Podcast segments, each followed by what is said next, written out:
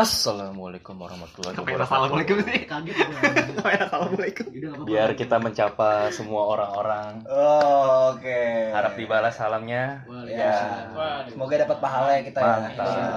Sebelum kita memulai podcast hari ini, lebih baik kita berdoa. Lu kenapa sih? Sumpah gue bingung nih. Yuk langsung aja yuk. Kita dengerin. Nah kali ini kita bakal ngebahas satu topik yang lagi hits belakangan ini. Betul. Ini agak serius sih sebenarnya. Jadi gue kayak sok-sok serius gitu. Padahal sebenarnya gue bingung nih. Udah bubar bang, serius. iya iya. Kita bakal ngomongin tentang wabah virus corona. Oh itu, Yo, yang mahal itu, itu yang berapa teguh langsung mabuk. Oh. ya Oh. corona mah alkoholnya dikit Oh, kali. wih. gua gua nggak tahu nih gua gua alim gua alim gua nggak tahu gimana bang? Lu sebagai pemakai gimana? Ini virus loh. Oh, tadi nih, boleh tahu. Ini bercanda. Bercanda. Oke.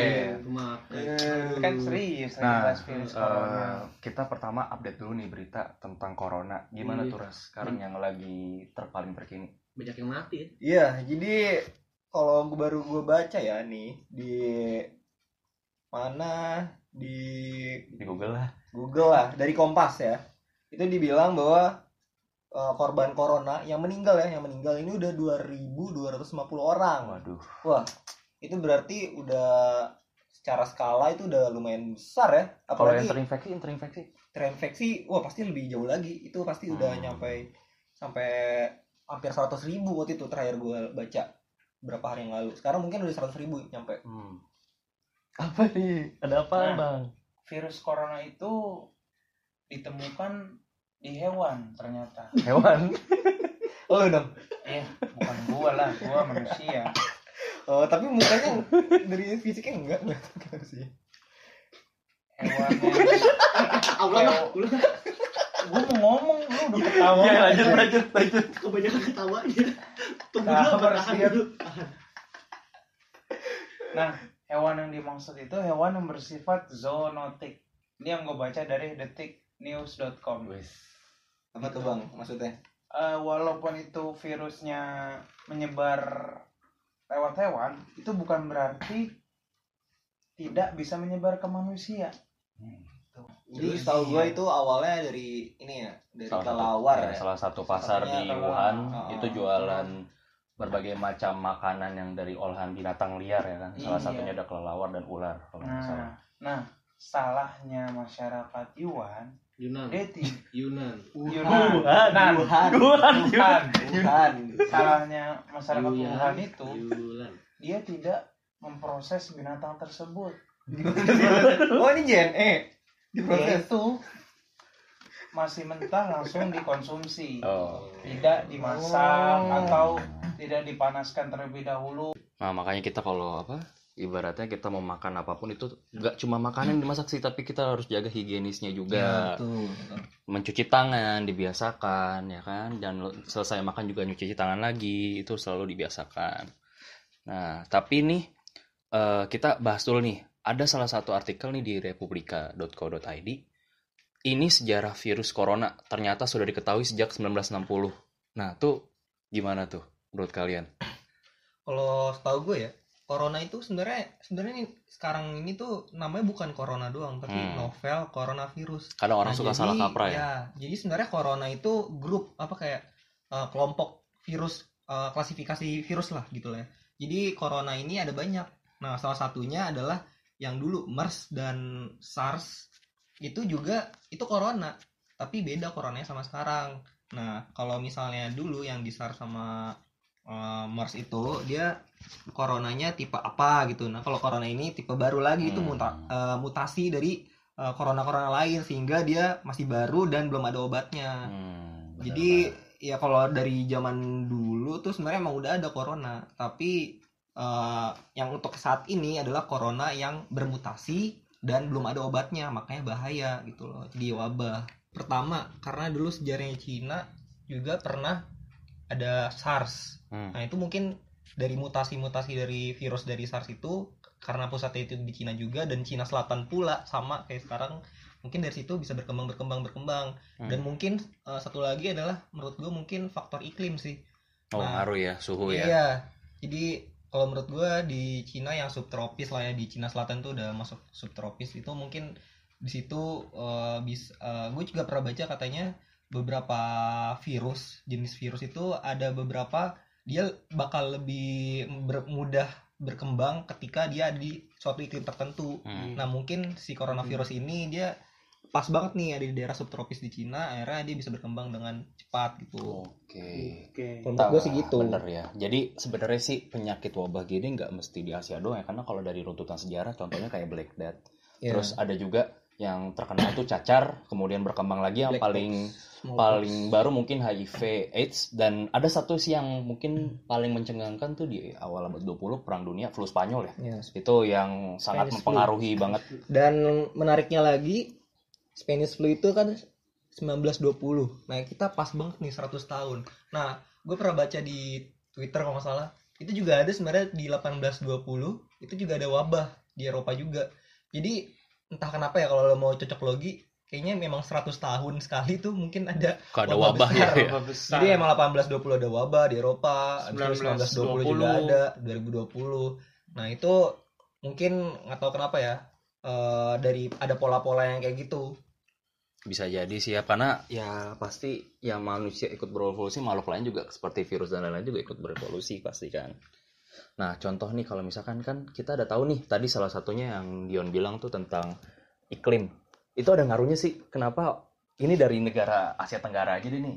Gue nggak ngerti sih kenapa Indonesia tuh salah satu negara yang officially dia bilang menyatakan belum kena virus corona. Sedangkan tetangga-tetangganya yang menurut gue kayak standar kesehatan lebih tinggi contohnya kayak Singapura, Singapura, ya nah itu Malaysia. mereka udah terjangkit tuh. Ya kan? Tuh gimana tuh? Kenapa sih Indonesia nih kayak aman-aman aja atau sebenarnya udah ada atau gimana tuh? Nah kalau gue pernah baca nih dua artikel di The Guardian.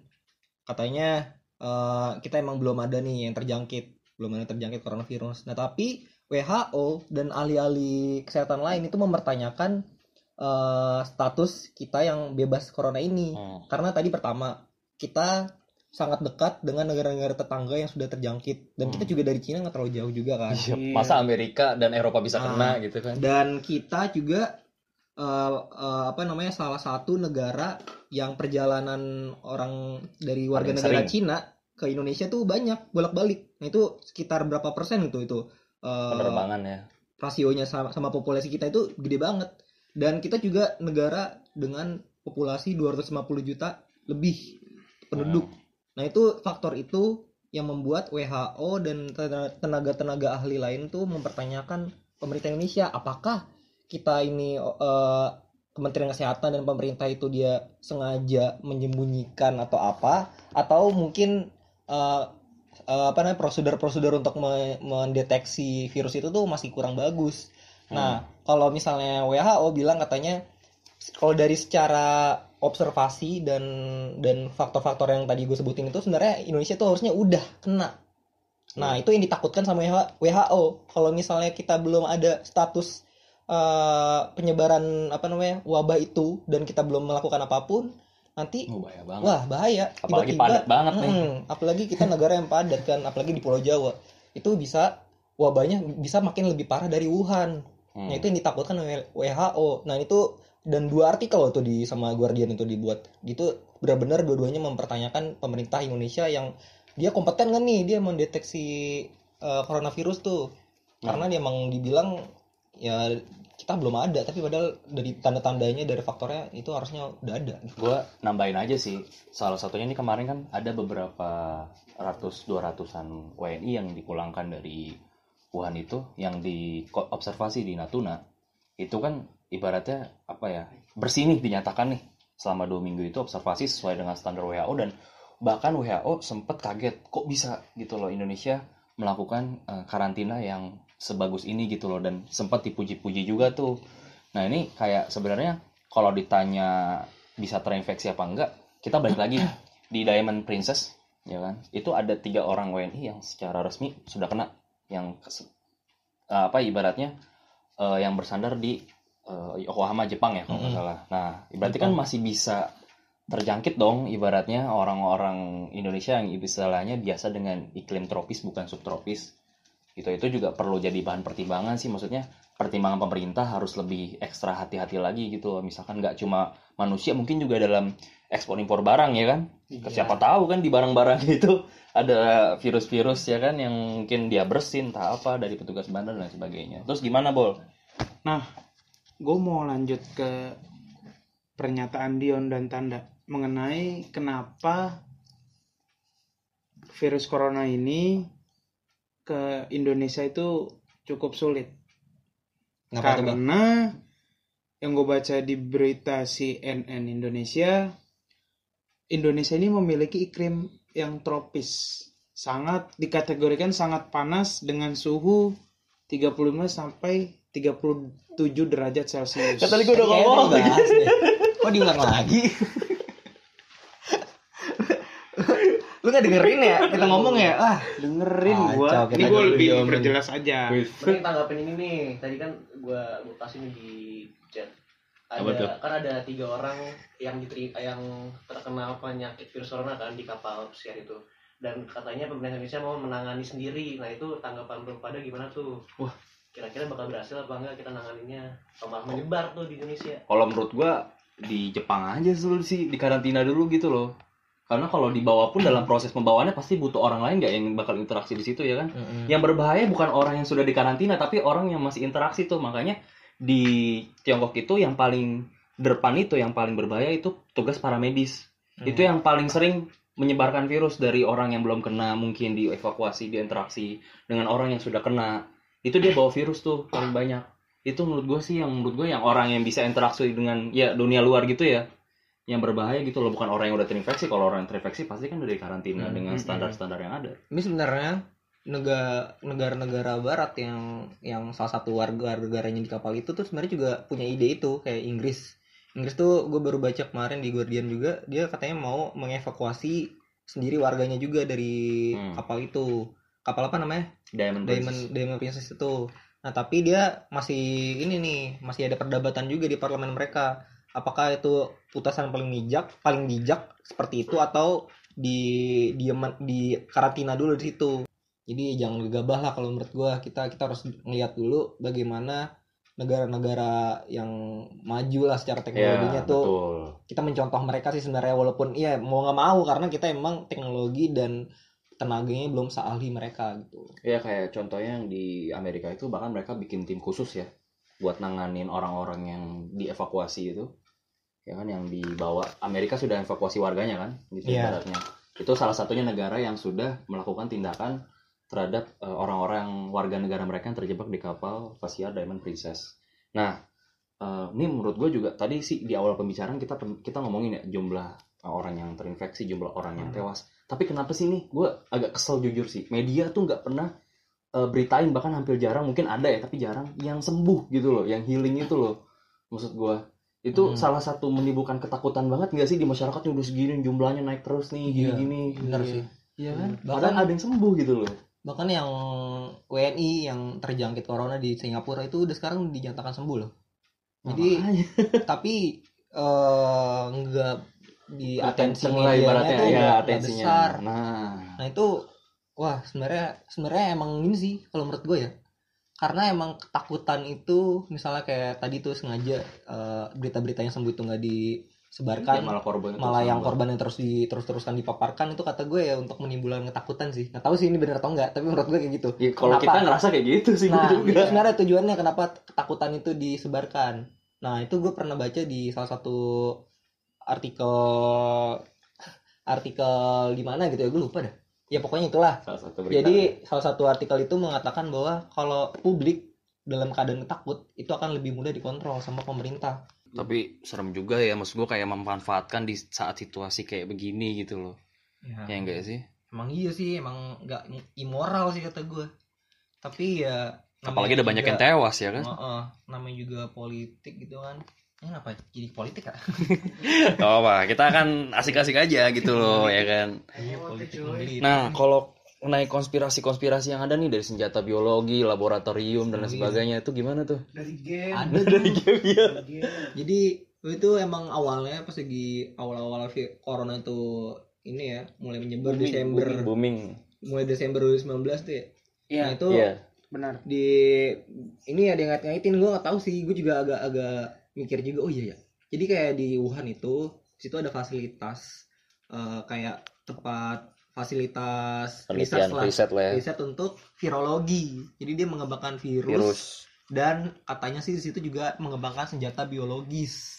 Nah katanya karena emang sebenarnya eh, dari kalau gue lihat di Twitter ada yang ngepost gitu jadi di di peta itu ada peta di Wuhan. Nah, itu ternyata eh, marketnya itu ya, mar- eh, pasarnya hewan-hewan liar itu sama fasilitas itu nggak terlalu jauh. Nah jadi ada yang bilang katanya eh, yang dikatakan itu awalnya dari pasar itu tuh itu cuman doang cuman apa namanya cuman pengalihan doang. Padahal sebenarnya katanya kalau kata mereka tuh yang konspirasi-konspirasi ini katanya itu awalnya dari fasilitas virologi itu. Jadi itu katanya kebocoran virus dari vir- eh, fasilitas itu yang mengembangkan senjata biologis nah gitu sih kalau yang gue dengar. Gue nggak tahu tuh bener atau enggak. Tapi kalau di dipikir-pikir oh iya juga ya. Kan itu dia virologi. Gue Nah, dilihat di berhubungan lah. Google Maps namanya virologi. Berarti dia mengembangkan virus. Dan ini emang virus juga corona. Nah, kalau kalau mau kait-kaitin ya sebenarnya emang ada kaitannya. Tapi kita karena di sini melihat dari fakta yang ada gitu ya dari yang benar-benar udah bisa dipercaya kita sebenarnya eh, nggak boleh menganggap itu sebagai fakta dulu sih kalau lo masih menduga-duga nggak apa-apa tapi kalau Ah. jangan disebarkan kalau itu adalah fakta benerannya Makanya hati-hati nih teman-teman kalau mau nge-share informasi dari berbagai hal, apalagi yang istilahnya berbau sensitif kayak begini ya, bukan bercandaan gitu loh, ya kan? Iya, benar. Bercanda-bercandain, orang jadi takut, disebar di WhatsApp, eh ini udah ada yang kena nih, begini-begini, hati-hati dan lain sebagainya. Ya kita filter lah gitu kan, kita ibaratnya eh, harus bisa lebih Filter membentengi setengah diri sendiri gitu loh, ya kan? Dia orang beli HP Xiaomi. Xiaomi nggak. Karena takut tertular. Nah itu dia tuh berbahaya banget sih. Terus kalau penanganannya nih bang, gimana nih bang? Sini bang. Gua saat nonton berita di liputan 6 SCTV SCTV. Oke pemerintah bukan ya CTV apa dah Satu untuk semua. satu untuk semua Nah, Kenapa? oke. Kenapa tuh bang? gue lihat setelah baca berita itu eh, pemerintah Wuhan dalam menangani Yunan lagi. virus corona tersebut dia mendirikan rumah sakit yang benar-benar khusus untuk penanggulangan pasien yang terkena virus corona tersebut. Oh, Mantap. lu baru belajar ngomong nggak? Tuh ngomongnya sampai kayak gitu. Enggak, ini Biar dramatis. Oh, pelan Oh, pelan. biar dramatis. Ini dong lagunya kotak Itu. Dan pelan pelan. dan rumah sakit tersebut dibangun dengan gencar-gencarnya nih agar cepat jadi Hmm. supaya virus coronanya tidak menyebar ke berbagai negara atau berbagai kota di dalam negeri tersebut. Penanganan menurut gue penanganan dari pemerintah kita harus ngikutin kayak Wuhan itu bikin rumah sakit? Isolasi, ya kan, malam. karantina. Enggak, kalau untuk membangun rumah sakit kayaknya Udah Indonesia ini deh belum bisa Harus seperti pemerintah Tiongkok. Mungkin caranya itu menurut gua pemerintah Indonesia ada orang yang terkena virus corona misahin misahin. Oh, kalau orangnya. berantem lu? Kalau dia kalau dia ini Orangnya ibu dan sendiri. anak, masa dipisahin ibu dan Di anak? isolasi tuh. Oh, nah iya Oh, benar. isolasi. Dia dipisah dengan bisa? keluarga atau teman kerabatnya Betul betul. dibawa ke rumah sakit Salin. yang ibaratnya yang sudah besar di Indonesia. Di situ dia dipisahkan satu orang. Hmm. Kenapa nggak ngikutin ini bol? Apa eh, cara Korea Utara? Katanya nggak tahu ini bener apa enggak ya? Ditembak. Ditembak langsung. Itu cara paling eh, ampuh sih kayaknya. Ya Indonesia kan berlatar belakang negara hukum dan berperi kemanusiaan dan berlatar belakang hukum. Nah nggak mungkin lah negara pemerintah Indonesia Main nembak-nembak melakukan aja. tindakan tersebut. Ah, betul. Dulu cita-cita lu pas lagi maba apa dah? Waktu itu? Ingin memajukan bangsa Indonesia. Yoi. Jarawan cilik. Jarawan cilik NS20. Tapi emang iya sih, maksudnya kayak di Tiongkok itu kan apa ya? Mereka kenapa bangun rumah sakit cepat cepat karena udah ada pengalaman nih dari SARS dan MERS sebelumnya gitu. Bahkan yang gue denger denger desain rumah sakitnya sama gitu ya. Dia bangun terus sampai live kan kalau nggak salah ya. di streaming gitu loh bangun dalam waktu yang cepat terus jadi gitu ya tapi ya yang menjadi sangat menyayangkan kebanyakan yang tewas di Tiongkok tuh justru petugas medis sih itu dan orang-orang tua nah orang-orang tua mungkin yang lebih rentan kali ya rentan Mm-mm. orang tua nih kayak kita. Tapi emang sih sebenarnya kalau dalam wabah seperti ini yang harus dilakukan adalah kerjasama sih sebenarnya kerjasama antara pemerintah nah pemerintah negara. Jadi kalau misalnya ini kan udah sebenarnya status emergency dunia ya. iya lah parah banget tuh jangan janganlah kita Indonesia Indonesia aja gitu misalnya. Nah. Eh, misalnya kalau mau dibantu misalnya sama Cina gitu, jangan ada kayak sentimen-sentimen anti Cina lah bla bla bla jangan lah. Ini Betul, kan betul. kita ini masalah bersama masalah ya. global lah. Masalah global. Karena apa? Dulu pas lagi zaman Black Death itu 1200-an sampai eh, 1300-an itu 1300-an wah itu karena dia penanganannya dia itu minim banget ya. Kan zaman itu masih zaman abad pertengahan.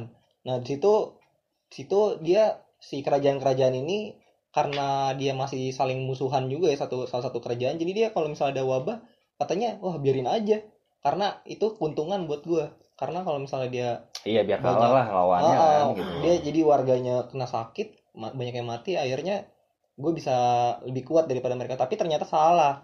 Dengan kayak gitu akhirnya menyebar. Dan dia Hmm. menyebar ke negaranya sendiri dan akhirnya seluruh Eropa tuh kena dengan jangan wabah Black Death itu. lah ya gitu nah itu ya. wabah Black Death juga sebenarnya ini sih dari hewan juga iya itu dari Iya. tikus jadi tuh Black Death ini awal sebenarnya bukan dari Eropa tapi dari Mongolia nah dari Mongolia itu Mongolia lu tahu kan zaman Genghis Khan 1200-an itu dia udah ekspansi sampai ke Eropa Timur nah di situ akhirnya eh, pedagang-pedagang tuh pada mulai berdagang lah dengan orang-orang membawa lah ya secara Mongol. langsung nah orang Mongol ini karena dia sebelumnya itu belum masih terisolasi baru baru kontak sama orang Eropa tahun 1300-an 1200 itu akhirnya virus-virus yang apa yang masih sebenarnya dia udah tahan di, di negaranya tapi orang Eropa belum. Makanya pas lagi dia kontak sama orang apa sama orang-orang Mongol dan tikus-tikusnya itu tikus-tikus yang dibawa sama orang Mongol di Hmm. di tempat dagangnya karavan-karavannya itu akhirnya nyebar ke orang-orang Eropa yang belum resisten terhadap virus itu